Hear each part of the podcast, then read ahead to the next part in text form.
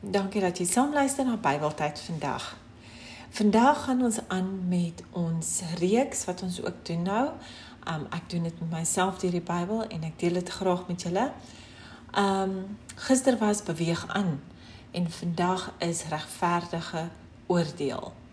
So wie oordeel ons? Ons lees uit Romeine 2 vers 2. Daarom is daar vir jou geen verontskuldiging nie vir jou mens wat 'n ander veroordeel. Wie jy ook al is, deurdat jy 'n ander 'n oordeel uitspreek, veroordeel jy jouself. Want jy wat oordeel of veroordeel skies, doen dieselfde dinge.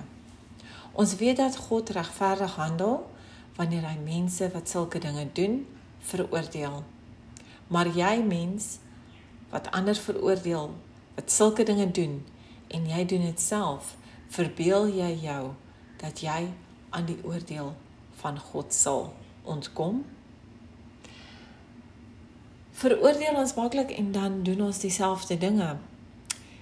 Verseker is meeste van ons skuldig daaraan. Ek weet, soms veroordeel ek ander, al is dit net op klein goedjies en dan doen ek dit self onbewustelik. Daagliks moet ons daaraan werk om onsself te verbeter en om te gee, verander en nie sleg te sê en te veroordeel nie. Ons kan maklik praat van ander, maar is ons in daardie persoon se skoene? Weet ons wat aangaan in sy of haar lewe? Laat ons dan die oordeel oor aan God.